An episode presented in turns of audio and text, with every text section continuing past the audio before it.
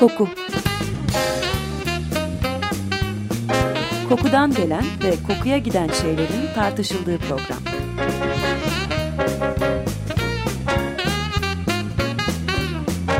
Hazırlayan ve sunan Vedat Ozan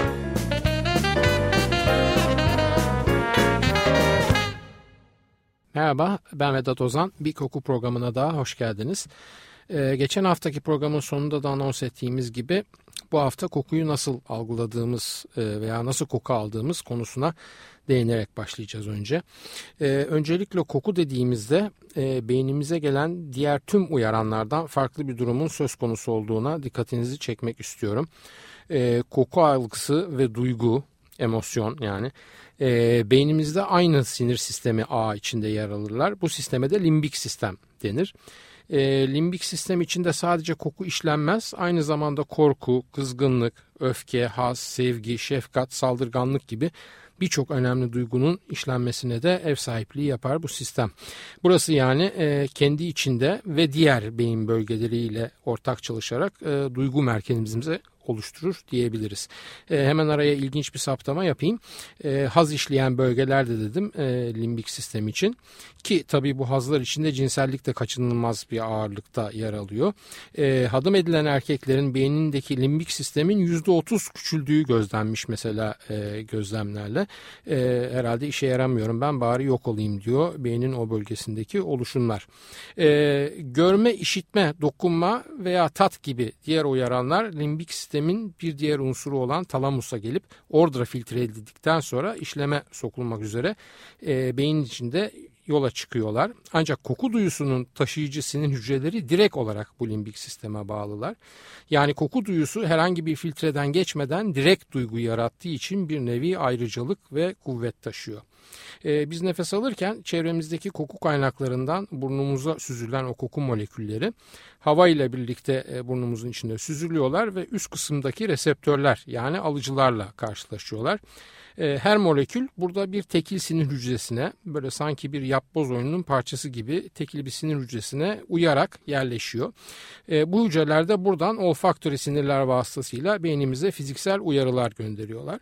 Beynimiz de bunları hafıza data, data bankımızdan tarayarak ne olduklarına dair e, bize bilgi veriyor. Yani olfaktörü sistem dediğimiz koku sistemimiz e, havadaki kokuları alarak bunları sinirsel uyarılara veya mesajlara dönüştürerek beynin ön kısmındaki merkezlere yolluyor. E, günde yaklaşık 23 bin kere nefes alıyoruz. E, bu nefes almalarda çok çeşitli koku kaynaklarından moleküller burnumuza giriyor. E, bu bir gül kokusu olabilir, fırında pişen bir hamur işi olabilir, e, sevgilinizin boynunun kokusu olabilir, kir, çürüme, gaz, herhangi bir koku olabilir. Binlerce değişik koku kaynağı var çünkü çevremizde. Her nefeste bu koku moleküllerini içeren hava burnumuza giriyor. E, burnumuzun iç yapısı da böyle düzgün sıvanmış, e, inşa edilmiş bir kanal kanal gibi değil karmaşık bir geometrik yapısı var. Bu yapı içinde de nefesimizin hava akımı öyle uçakların nasıl uçtuğunu gösteren basit diyagramlar vardır gazetelerde çıkan böyle kanadın etrafından oklar falan gider.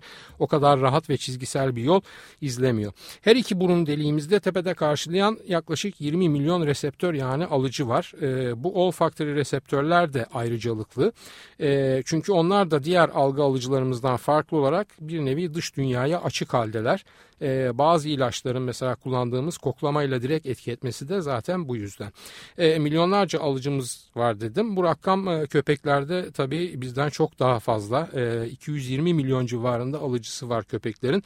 Ama bu sizi yanıltmasın çünkü koklama hafıza ve öğrenmeyle direkt ilişkili bir eylem olduğu için Köpeklere atfettiğimiz pek çok yeteneği zorda kalsak veya kendimizi bir şekilde eğitsek biz de edinebiliyoruz. Yani koku alıcılarının sayısı kadar e, bunları önceden belirlenmiş talım alanlarına sıkıştırmak ve bu sıkıştırmaları da e, bir nevi ailelere ayır, ayırabilmekte önemli. E, bilgisayarla ilgili dinleyicilerim, biraz ilgili dinleyicilerim bu benzerlerin sıkıştırılması kavramını sanırım daha iyi anlayacaklardır. E, çünkü pek çok sıkıştırma formatı, JPEG falan gibi pek çok formatta aynı aileleme ve sıkıştırma prensibiyle çalışıyorlar. E, bizim burunlarımızın köpeklerinkinden esas farkı bizim aynı kokuyu alabilmemiz için daha yüksek konsantrasyonda bir koku kaynağına ihtiyaç duymamız.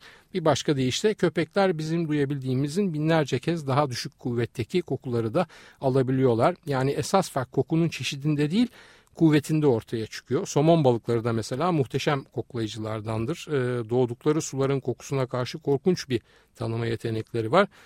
Ve neredeyse nereye bırakırsanız bırakın gidip doğdukları denize ulaşabiliyorlar. Bir de balık hafızası diye dalga geçiyoruz biz tabii.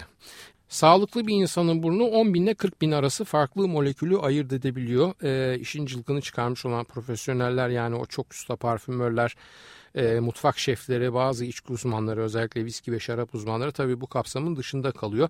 Aslında teknik olarak herkes daha doğrusu her sağlıklı olfaktörü sistem sahibi insan burnunu eğiterek bu ustalık mertebesine erişebilir. Çünkü koku okullarında da öğretilen ilk şeylerden biri zaten bu. Öncelikle tekil olarak kokular öğreniliyor. Sonra onlar koku aileleri içine klase edilerek daha bilinçli bir tanımaya başlanıyor. Aslında hep koku okulu isipka falan diyoruz. Eğer bir terslik çıkmazsa böyle bir koku okulundan mezun olan ve halen e, yurt dışında bir koku devinde çalışan bir Türk burnunda da önümüzdeki haftalarda bir söyleşi yapacağız inşallah.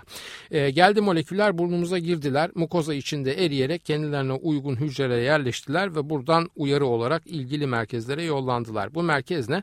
E, bu merkez amigdala isminde badem şeklinde bir küçük beyin kütlesi. Zaten eski Yunanca'da e, badem anlamına geliyor amigdala kelimesi. Boyu küçük ama marifeti büyük. Neler yapar? Neler yapmaz ki? E, duyguları ve saldırganlıktan cinselliğe çok çeşitli dürtüleri, e, duyguları kontrol eden başlıca o subkortikal beyin merkezlerinden birisi ve limbik sistemimizin bir parçası. Çevresel uyarımlara verilen davranışsal, sinirsel, e, bağışıklıkla ilgili veya hormonal tepkileri düzenliyor. Ayrıca uzun süreli bellek oluşturmasında da çok büyük rolü var. Radar gibi de çalışıyor. Yani çevreden gelen sinyallerle e, bellekte bulunan anıları karşılaştırıyor. Genel sinyal bilgilerinin tehdit düzeyi konusunda anlık kararlar veriyor. E, hipotalamus ve diğer özerk sinir sistemi merkezleriyle olan çok kapsamlı bağlantıları sayesinde de e, algısal, duyusal bilgiler yüksek beyin merkezlerine ulaşmadan önce e, özerk sinir sistemini ve duygusal tepkileri harekete geçirebiliyorlar. E, damarları ve iç organları doğrudan etkiliyor. İşte korkudan altını ıslattığı, bete benzi soldu gibi ifadeler bu demin bahsettiğim ilişkiye işaret ediyor. Yani bir nevi duygu üretim merkezi gibi bir yer farkındaysanız. E, duygu deneyimi yaşamak veya duygusal deneyimler üretmek amigdala olmadan imkansız. Bu bu kapsamda da duygusal oluşumları o olmadan dışa vurmak yani duygusal dışa vurum veya öğrenme ve hatırlamadan neredeyse mümkün değil. Kokudan başka hiçbir duygusal sistemimiz e, beynimizin duyguları kontrol eden bu bölümüne böyle direkt ve ayrıcalıklı bir erişime sahip değil. Koku bunun için çok önemli. Koku hafızası bu nedenle ilk programdan beri altını çizdiğim gibi bu kadar keskin ve güçlü. Çünkü koku duygu üreten bölgelerimizde direkt ve ayrıcalıklı bir erişim hakkına sahip. Tekrar altını çiziyorum. E, bunu lütfen bir not edelim ve hiç unutmayalım. İleriki programlarda hiç beklemediğiniz bazı olay ve olguları size kokuyla açıkladığımda e, bunu lütfen benim kokuyla ilgili takıntıma vermeyin. Aslında böyle bir takıntıyı inkar edecek halim yok tabii ama işin gerçek yüzünü doğru değerlendirebilmeniz için çok önemli. Bugünkü programın ikinci kısmında yetiştirebilirsek e, bir takım tatsız örnekler vereceğim. Bir ölümden daha doğrusu bir intihardan bahsedeceğim. E, ben bu intiharın sebebini koku faktörüne bağlarken şimdi söylemiş olduğum bütün bu duygularla koku arasındaki ilişkiyi aklınızda tutmanız için söylüyorum bunu. E, kokunun bugün modern insan haline gelmemizde en büyük etkenlerden biri olan öğrenmeyle de hafızaya bağlı bir ilişkisi var. E, bu konuda yapılmış iki deneyden kısaca bahsedeyim size. E, bir grup öğrenciye zor bir labirent testi yaptırılıyor ve bu zorlayıcı test sırasında e, deneyin işlemcileri tarafından ortama belirgin bir koku salınıyor. İyi ya da kötü koku değil sadece kendini belli eden bir koku bu. E, daha sonra bu öğrenciler başka öğrencilerle birlikte oldukça basit bir sınava alınıyorlar. Bu sınav sırasında da o karmaşık labirent deneyi sırasında salınan o belirgin koku sınav ortamına tekrar salınıyor. İlk testte bu kokuyu algılamış ve hafızalarına kaydetmiş olan öğrenciler e, ilk teste katılmayan öğrencilere göre çok daha fazla zorlanıyorlar. Çünkü motivasyonları kötü ve zorlayıcı deneyimden dolayı oldukça düşük ve sınav sonuçları da tabii düşük oluyor. Bir başka deneyde New York metrosunda metro sürücüleri, vatman veya şoför ne deniyorsa inceleme kapsamına alınıyorlar. E, bir kısmının sürücü kabinlerine hafiften çikolatalı kurabiye kokusu salınıyor. E, gün sonunda gözlemcilerin raporlarını bakılıyor ve karşılaştırılıyor. Kokulandırılmış sürücü kabinlerindeki sürücülerin diğer meslektaşlarına oranla daha az saldırgan ve daha az küfürlü bir gün geçirdikleri ortaya çıkıyor ki bu rakamlar neredeyse yarı yarıya gibi e, bariz bir gösterge bizim için. E, iki örnek verdim. İlkinde sıkıcı ve zorlayıcı bir ortamın kokusunun hatırlanmasıyla beraber gelen başarısızlık var. İkincisinde ise tatlı anıların o bilindik temsilcisi çikolata ve kurabiye kokusuyla beraber gelen sükunet ve huzurlu çalışma ortamı. İki örnekte de koku duygu hafıza ilişkisi son derece bariz ve kuvvetli. Aslında ilk olumsuz örnek ders çalışmakta olan öğrencilere ters yönde işletilerek olumlu sonuçlara da yol açılabilir diye düşünüyorum. Yani bir öğrenci anası babası veya velisiyseniz ders çalışma ortamlarını onların sevdikleri bir maddenin kokusuyla kokulandırıp motivasyonlarını arttırabilirsiniz. Tabii bu sadece bir önerme ve öneri sorumluluk kabul etmem vallahi beklenen sonuçtan tam tersi sapmalar olursa. Evet efendim uzun lafın kısası fiziksel koku molekülleri beynimizi uyarırlar ve beynimiz de hafıza bankasındaki öğrenilmiş alım duygularına bağlı olarak bu kokuları kokuları bir duygu tepkisiyle yorumlar ve dışa vurumları tetiklerler. İşin en kaba özeti budur. Burada anahtar kelime öğrenme ve alıştırma. Bu nedenle farklı kültürlerdeki farklı yaşam alışkanlıkları kokulara ilişkin birbirinden uzak yaklaşımlara sebep oluyor. Ee, ama bazı ortak şeyler de var. Mesela bir bebeğin e, bir aylık bir bebeğin altını pislettiğinde o pisliğin kokusundan rahatsız olduğunu göremezsiniz. Bebek bezindeki fiziksel rahatsızlıktan rahatsız olabilir ama kokudan rahatsız olmaz. Zira o kokunun kötü tanımıyla olan bağlantısını henüz öğrenmemiştir ve tuvalet eğitimiyle henüz koşullandırılmamıştır. Sadece bebeklerde değil büyüklerde de öğrenme ve koşullandırmanın rolü çok büyük. Gene ilginç bir deney anlatacağım. Ee, izovalerik asit ve butyrik asit moleküllerinden bir karışım hazırlanıyor. Yağlı ve keskin kokan bir karışım tabii bu içerik maddelerine baktığınızda. Denekler bu kokuyla beraber önce kapısında parmesan peyniri yazan bir odaya sokuluyorlar ve tepkileri soruluyor. Genel tepki çok beğendim, yiyesim geldi vesaire şeklinde. Ertesi gün aynı denekler Gene aynı koku karışımı tabii onlara söylenmiyor aynı koku karışımı olduğu. E, fakat bu, kas, bu kez kapısında istifra atığı yazan odaya sokuluyorlar. Tepkileri bu kez neredeyse hemen odayı terk etmek şeklinde oluyor. Deney sonrasında gerçek açıklandığında hiçbiri iki odanın da aynı koktuğunu kabullenmek ve inanmak istemiyor. Deneyi yapan e, Brown Üniversitesi'nden Dr. Rachel Hertz kendisi koku psikolojisi konusunda çok önemli bir uzman. Ben de onun yazılarından sık sık yararlanıyorum. E, bu olayın açıklanması aslında kendisi kadar karışık değil değil, kokuları görünmez oldukları için onları kendi dünyamızdaki nesnelere ilişkin kelimelerle tanımlamaya yatkınız, hatta takıntılıyız. Bu nedenle biraz yabancı gelen kokularda bize sunulan kelime ve senaryoları hemen kabullenebiliyoruz. Bu deney örneğinde bir adım daha da ileri giderek daha koku koklanmadan kapı üzerindeki yazı ile denekler karşılaştırıp beklentileri de kurgulanmış oluyor. Bir başka örnek daha inceleyelim. E, bu örneklerin hepsi laboratuvar ortamlarında bilimsel parametrelere uygun olarak gerçekleştirilmiş örnekler. İngiltere'de gerçekleşen bir deney bu. E, alışılmış olunmayan farklı bir molekül olan e, 5 alfa andostran 3-1 pompalanıyor laboratuvar ortamına. Sürekli bir pompalama değil şöyle bir gel geç esinti şeklinde veriliyor. E, bu kokuya maruz kalanlar bu salınım sırasında yakından gözleniyor. Kokuyu tespit edip etmediklerine dair bir tepki verebilecekler mi diye vücutlarıyla. Görünen o oluyor ki e, fizyolojik olarak yani mimikler veya vücut hareketleriyle bu kişiler sanki bir koku duymuş gibi davranıyorlar. Ama koku duydunuz mu ne kokusuydu bu ya falan diye sorulduğunda çoğu sessiz kalıyor veya bir koku duyduklarını inkar ediyorlar. Ama daha sonra onlara bu kimyasalın ismi verilerek şişe içinde tekrar koklatılıyor ve birden çoğu hatırlıyor. Yani ben böyle bir koku duymuştum ya demin falan gibi. E, ismi olmayan veya adlandırmakta verbal zorluk çektiğimiz kokuları tanıyamıyoruz gibi oluyor yani sonuçta bu. E, bildiğimiz yediğimiz bir şeyin kokusuna benzemiyorsa biraz çilek biraz balık eti gibi kokuyordu falan gibi herhangi bir referans kategorimize uymuyorsa o kokuyu yok sayabiliyoruz. E, kelimeler tarife yetmiyorsa koku yoktur gibi şok edici bir sonuç bu yani. Bu deney bana çok ilginç gelmişti. Buna benzer semantikle konu koku arasındaki ilişkiyi e, becerebilirsek e, başka bir programda daha detaylı inceleriz diye umuyorum. Zira bu konuda sizinle paylaşacağım birkaç unsur daha var. Ancak şimdi konuyu çok dağıtır diye endişe ediyorum ve kapatıyorum.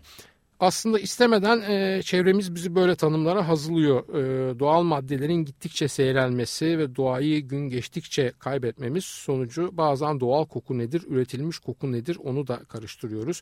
Bu nedenle size iki minik şişe içinde gül kokusu versem birisi doğal birisi laboratuvar ortamında üretilmiş replikası olsa ve üzerinde açıklama değil de sadece e, numara etiketi bulunsa muhtemelen sizler sentetik olanı bu doğal olan diye işaret edeceksiniz. Çünkü güle ilişkin referanslarımızda daha sık rastladığımız sentetik gül kokusu doğal olanın neredeyse tamamen yerine geçmiş vaziyette. Bu nedenle olması gereken doğal gül kokusunu o işte el kremlerinde, losyonlarda falan gül diyebildiğimiz feniletil alkol ağırlıklı gül kokusunu çağrıştıran molekül kompozisyonuyla bağlıyor beynimiz. Konuları fazla ağırlaştırmadan bir kahve arası verelim.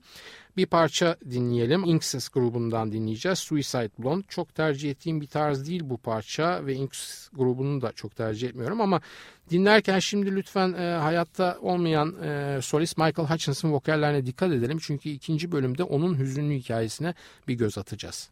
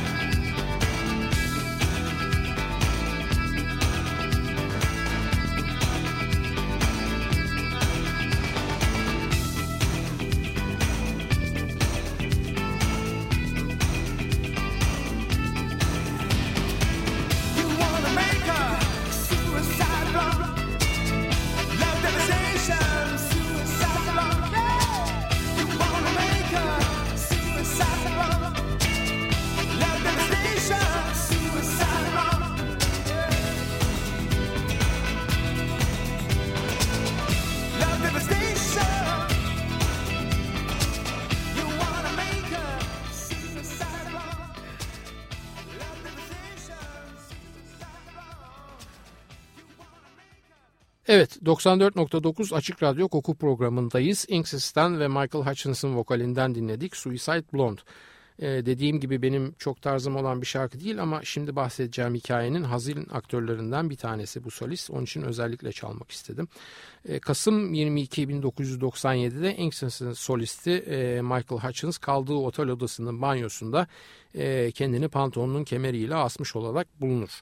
E, nedir bu kadar ünlü istediğine sahip olan bir dönem işte Kylie Minogue'la falan beraber olan Michael'ı bu sona götüren e, kendini öldürtecek kadar derin bir depresyona onu ne itmiştir?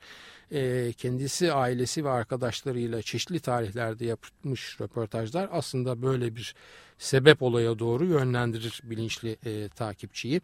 E, 92 Eylül'ünde Michael e, bisikletiyle Kopenhag'da bir gece kulübünden evine dönerken e, feci bir trafik kazası geçirmiştir. E, o giderken bisikletle bir araba ona çarpmış. E, kafatası dolayısıyla beyni önemli hasarlar almıştır. E, ölümünden birkaç ay önce The Independent'a yayınlanan bir haberde e, arkadaşlarının ifadesine göre e, kazanın Michael'ın hayatında derin depresyon ve Prozac bağımlılığına yol açan bir dönüm noktası olduğundan hemfikirdirler diye bahsedilir. Arkadaşlarından bir tanesi Avustralyalı film yapıcısı Richard Lowenstein e, kazadan sonra Michael'ın hayatında bariz bir yaşam kalitesi düşüşü gözlediğini söyler. E, ona göre daha önceleri depresyon, şiddetli tepki verme, ambivalans gibi durumların hiçbir belirtisine rastlanılmayan arkadaşında kazadan sonra bu olgular gittikçe artan bir şekilde göze batmaya başlamıştır. E, bir Melbourne gecesinde beraber içki içip sohbet ederlerken Michael omuzlarını düşürüp artık kız arkadaşımın bile tadını alamıyorum diye ağlamaya başlamıştır. E, Michael kaza öncesi hedonik olarak tanımlanabilecek bir keyif ve tüketim insanıdır. Gelişmiş bir lezzet duygusu ve hayatın ona bahşettiği her zevke şehvet derecesinde düşkünlüğü vardır. Ancak şimdi bütün bu hayatına merkez olan duyguların tatmini kesintiye uğramıştır. Çünkü evet çünkü geçirdiği kazada beyni tahribat görerek koku algısının yok olmasına yol açmıştır. Koku algısı olmadan yiyeceklerle ilgili tatminlere, seks hayatı, işte ne bileyim bir kumsalda yürümenin kokusu veya en basitinden bir nostalji yaşama yeteneği ondan bir anlamda çalınmıştır. E, bu yoksunluk içinde melankolisi arttıkça reçeteli veya reçetesiz ilaçlara ve maddelere bağımlılığı artarak çoğalmış. E, bu da çaresizlik içinde onu acı bir sona götürmüştür. Tabi bu bir intihar notuna bağlı e, kısmen kesin bir gerçek ölüm nedeni değildir ancak pek çok uzmanın e, ortak görüşüdür. Koku duyusunun yitimi yani anozmia Yunanca'da a sızlık eki ozmia ise koku demek. E, anozmia ile sonlanan bir akut beyin travması sonrası pek çok hastada e, hayatın keyiflerinden uzaklaşma mecburen genel bir hüzün duygusu, iştah kaybı, uyku zorluğu, motivasyon düşüklüğü, konsantrasyon zayıflığı gibi pek çok bulgu ortaya çıkar ve bunlar tedavi edilmezse benzer sonlara doğru maalesef insanı götürebilir.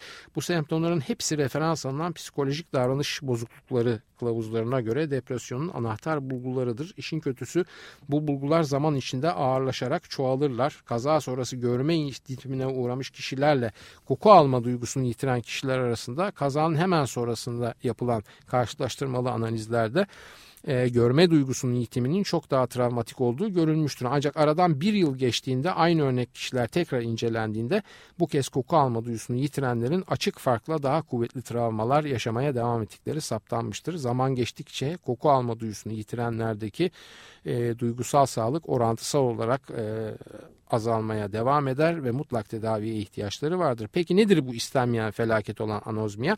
En basit anlamda olfaction denen koku alma olayının tamamen yitimidir. Kalıcı veya geçici olabilir. Bazı insanlarda sonradan bazılarında ise doğuştan anozmik e, olabilirler. Bir kısım insan sadece bazı kokulara karşı anozmik de olabilir. E, belki bilmiyoruz ama mesela mask veya misk diye bilinen neredeyse bütün parfümlerde yer alan kadın erkek ayırmadan çok güçlü bir baz aroması olan e, misklere karşı da böyle bir e, anozmi vardır. Bu nedenle bugün artık doğalı elbette kullanılmayan mask e, notaları yerine laboratuvar ortamında üretilen masklardan her parfüm içinde birden farklı versiyon kullanılır ki e, bu anozmiya nedeniyle burnumuzun daha doğrusu beynimizin bir yerden kaçırdığı kokuyu bir başka versiyonun içinden yakalayalım. Bu masklar konusuna ileriki programlarda daha derin olarak da değineceğiz. Anozmiya aynı zamanda tat ve daha doğrusu lezzet yitimine de yol açar. Çünkü tadları kokularla beraber yorumlayamadığımızda sadece acı, tatlı, ekşi veya tuzlu son dönemlerde de glutamatlarla beraber umami de Beşinci öge olarak eklendi bunlara. E, bu şekilde tanımlayabiliriz. Bu beş tat duyusu dilimiz vasıtasıyla iletilen sinyallerdir. E, burnumuz vasıtasıyla değil. E, şöyle bir deneme yapabilirsiniz. Burnunuzu tıkayabilirsiniz ve kahvenizi yudumlayabilirsiniz. İçtiğiniz acı bir sıcak sudur. Burnunuzu serbest bıraktığınızda bu acı suyun tadına hafızamızdaki kahveye referansla bağlanmış koku da eklenecek ve kahve olarak tanımlayabileceksinizdir. Aksi halde bu imkansızdır. E, anozmiya nasıl olur? E, ya burnumuzun üst kısmındaki alıcı duyucu nöronların ya darbeyle olfactory nerve dediğimiz koku sinirinin ya da limbik sistemimiz içindeki koku işleme alanlarının tahribata uğramasıyla olur veya burnunuz tıkanır, hava geçirmez. Hava geçmeyince de koku molekülleri yerlerine ulaşamaz, koku işlemi gerçekleşmez. E, burunda oluşan polipler de başka bir sebep olabilirler bu koku duyusu itimi için. Beyin kısmı içinse alınan darbelerden dolayı oluşan hasarlar koku duyusunun yitimine e, yol açabilirler. E, saptanması da çok kolay değil. Özellikle kısmi anozmiyaların. Kimse gidip de benim burnumun bir tarafı koku almıyor diye şikayetçi olmaz. Çoğumuz farkında bile değilizdir çünkü zaten bunun. Bu nedenle her burun deliği doktor tarafından ayrı ayrı e, genel bilindik işte kahve, limon, vanilya falan gibi kokularla kazı kazan benzeri bir yöntemle e, kazıtılarak, koklatılarak test edilir. Kafatası röntgeni ve diğer görüntüleme teknikleri de tabii beyin travması, sinüs enfeksiyonu veya tümör tespiti için kullanılır. Sebep eğer buruna bağlı bir iltihaplanma ise elbette iyileşme süreci kolay ve hızlı olur. Ancak sorun beyinden kaynaklanıyorsa iş tabii biraz fazlaca zorlaşır. E, anozmi aynı zamanda Parkinson veya Alzheimer gibi beyin fonksiyonları ile ilgili hastalıklarında erken uyarıcısı olarak e, adlandırılır. E, efendim bu haftaki program biraz keyifsiz konularla bitti gibi. Geçen hafta da söylemiştim iyi veya kötü aman koku alma duyumuzu yitirmeyelim diye. Haftaya inşallah daha keyifli konularda buluşmak ve bu iki haftanın acısını çıkarmak üzere derken soru, öneri ve eleştirileriniz için posta adresimizi tekrarlıyorum. kokuprogrami.yahoo.com e, Ben Vedat Ozan. Bugünkü konulara sabrınız için teşekkür ederim. Radyonuz kokusuz kalmasın. İyi haftalar.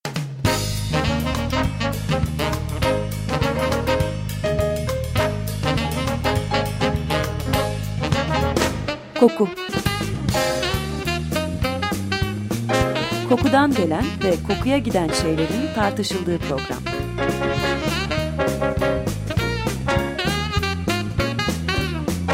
Hazırlayan ve sunan Vedat Ozan